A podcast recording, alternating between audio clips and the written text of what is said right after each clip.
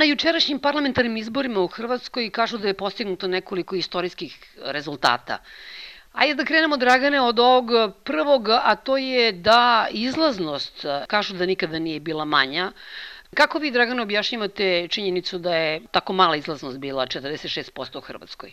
Pa da, to je prvo što su, što je malo ljudi uopće analiziralo previše jer su se svi bavili rezultatem izbora, dakle ishodima, a ne, ne samom izlaznošću, ali vjerojatno će se o tome voditi računa možda u daljnjim analizama. Sigurno je da je odaziv neobičajeno mali, ali on nije previše manji od onoga kako je bilo zadnji put, 4 ili 5% manji, dakle zadnji put je bilo jedva preko 51-2% izašlo.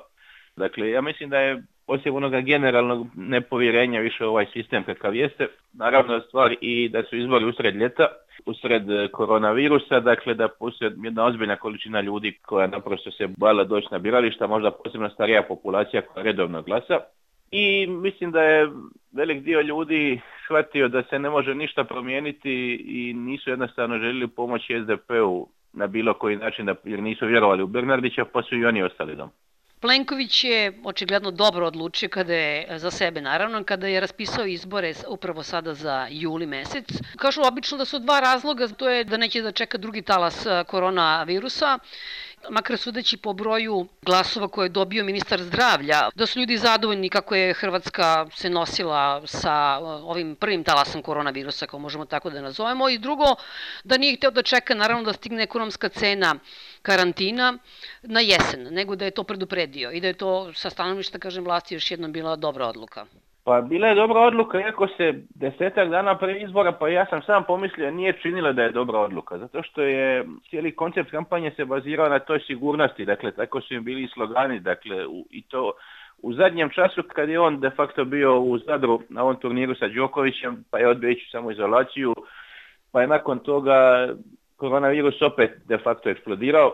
Sve to je vodilo k tome da bi se to mogla činiti kao loša procjena, međutim to se nije desilo. I sad to je pravo pitanje zašto se to nije desilo. S jedne strane HDZ zapravo ima jedini uz SDP donekle ozbiljnu mašineriju i izvukli su na birališta sve što su oni mogli izvući. S druge strane, očito SDP, dakle u zadnjih 15 dana od anketa koje su pokazivale ili da su izjednačeni ili da SDP čak ima neku malu prednost, uspio demotivirati i izgubiti glasače dobar dio se prilio koaliciji možemo tako da je Plenković uspio napraviti upravo to i dobio je zapravo čistu situaciju. I meni je negdje drago da je kad se već morala desiti pobjeda desnice, da bar nije ova otvorena proustaška desnica više relevantna. Dakle, Plenković je sad dobio de facto istu vladu koju je imao i pošteno je na neki način da njega dočeka ekonomska kriza koja će biti neminovna. Dakle, može se reći da je sa tim brojem osvojenih mandata Plenković e, pobedio i desnu i levu opoziciju? Pa prava priča su, ovih izbora su tri, znači Plenković, osobno on kao lider koji je napravio sve što je htio, potpuni povijesni dobak SDP-a koji je sličan onome 95. kad su imali jedva dva mandata, i naravno pojava ove nove koalicije, u kojoj sam ja negdje bio dio, iako u potpuno nekoj sporednoj ulozi, to je... Možemo, e, možemo. Dakle, to su, to su tri velike priče. Škoro je, po meni, politička povijest. Dakle, oni jesu dobili solidan broj mandata, ali oni s tim mandatima, oni su potpuno nebitni nikome.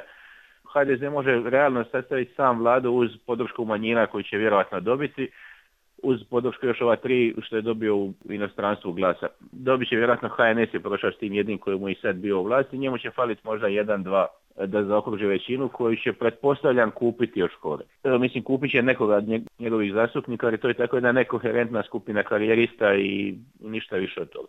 Tako da on je, on je apsolutni gubitnik izbora, ali čak je veći gubitnik SDP kao takav. U čemu je problem tako veliki sa SDP-om? Da li je ovaj njihov lider?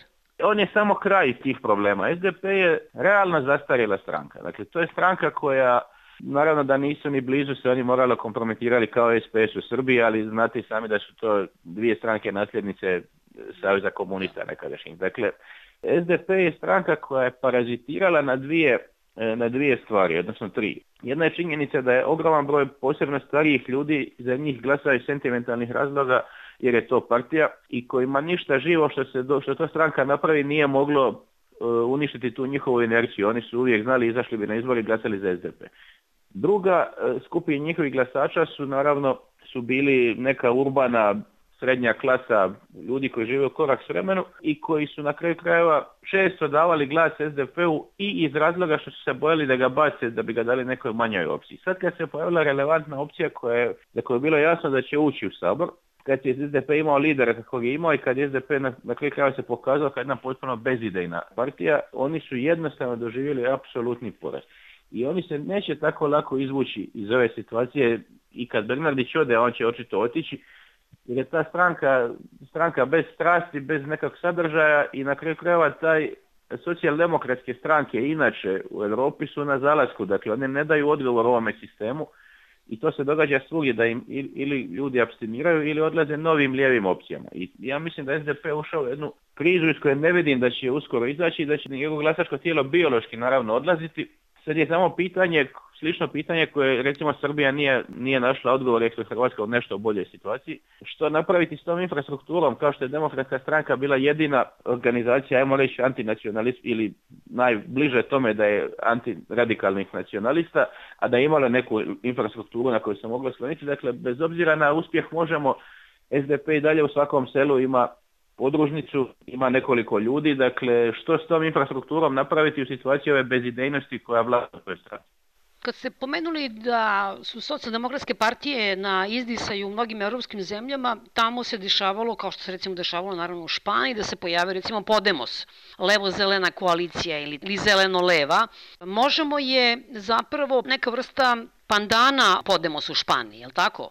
Kad bi moglo to tako da pa se kaže? Ja sam, ja sam neki dan pisao o oslobođenju tekst upravo o tome da se Hrvatska pomola pretvara u Španjolsku sve više i inače imaju slično iskustvo građanskog rata između fašista i antifašista u 20. stoljeću i zahvaljujući tom nasljeđu mnogi su ljudi identitetski glasali kao u Španjolskoj desetljećima, znači za konzervativce ili za socijaliste, jer su, jer su smatrali da su to predstavnici tih dviju zaračenih strana iz drugog svjetskog rata. Španije iz građanskog, a ovdje iz drugog. To se sad počelo e, u Španjolskoj puno prije, zahvaljujući bezidejnosti ovih dviju velikih stranaka događati i u Hrvatskoj se dogodio još jedan mali fenomen, dakle možemo je naravno pandan po demosu, čak je uzeo isto ime, ušao je sad jedan centristički blok sa samo tri parlamentarne zastupnika, ali ipak ušao koji sliči na njihove ciudadose, dakle ljude s centra koji nisu više htjeli glasati za konzervativce. To se desilo sada i u Hrvatskoj. I ja mislim da će taj trend rasti, dakle da će i opcija možemo i opcija centrista dados kako se zovu u Španjolskoj, rasti također i u nas. A što se tiče Možemo konkretno, to je koalicija, dakle, evo ja, stranka koju sam ja osnovao je jedna od tih uzda koalicije, to je koalicija nekoliko malih stranaka, lijevih, zelenih i, to jednog aktivističkog zagrebačkog pokreta koji zapravo čini jezgru konkretno stranke Možemo, se ona i morala registrirati kao stranka. Ipak, to je jedan sretni spoj svih lijevih frakcija i ideja, dakle, od recimo Radničke fronte koja je neka autentično socijalistička partija onog starog kova za samoupravljanje i slične stvari, preko eto nove ljevice koju sam ja osnivao, koja je negdje više antifašistička i antinacionalistička u identitetskom smislu, preko Oraha koja je čista zelena partija do aktivističkog zeleno-lijevog pokreta koji čini taj možemo konkretno. I to su zapravo pa gotovo iskopirana iskustva kako je Španija to napravila. Da li se može reći da su građani Hrvatske na ovim izborima se odlučili za poznato, za Plenkovića, za stabilnost. Građani Hrvatske nisu dakle. htjeli ništa da rizikuju očigledno, apsolutno. Apsolutno, dakle ovo jeste, jer kažem, i mene iznenadilo i nisam jedini koji ga iznenadilo jer su ankete govorile potpuno suprotno, dakle nije problem da je HDZ dobio sa par mandata više na kraju, ali razlika od 25-6 mandata u, u korist HDZ-a ankete su davali izjednačen rezultat do jučer, je ogromna.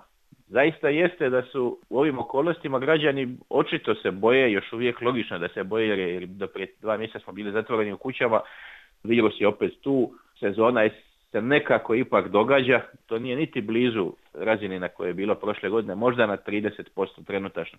Ovaj, dakle, ljudi su svjesni da, će, da, da epidemija neće nestati i da je realno glad nije nemoguće. Za mnoge od njih koji nemaju od čega živjeti na jesen i ko zna do kada.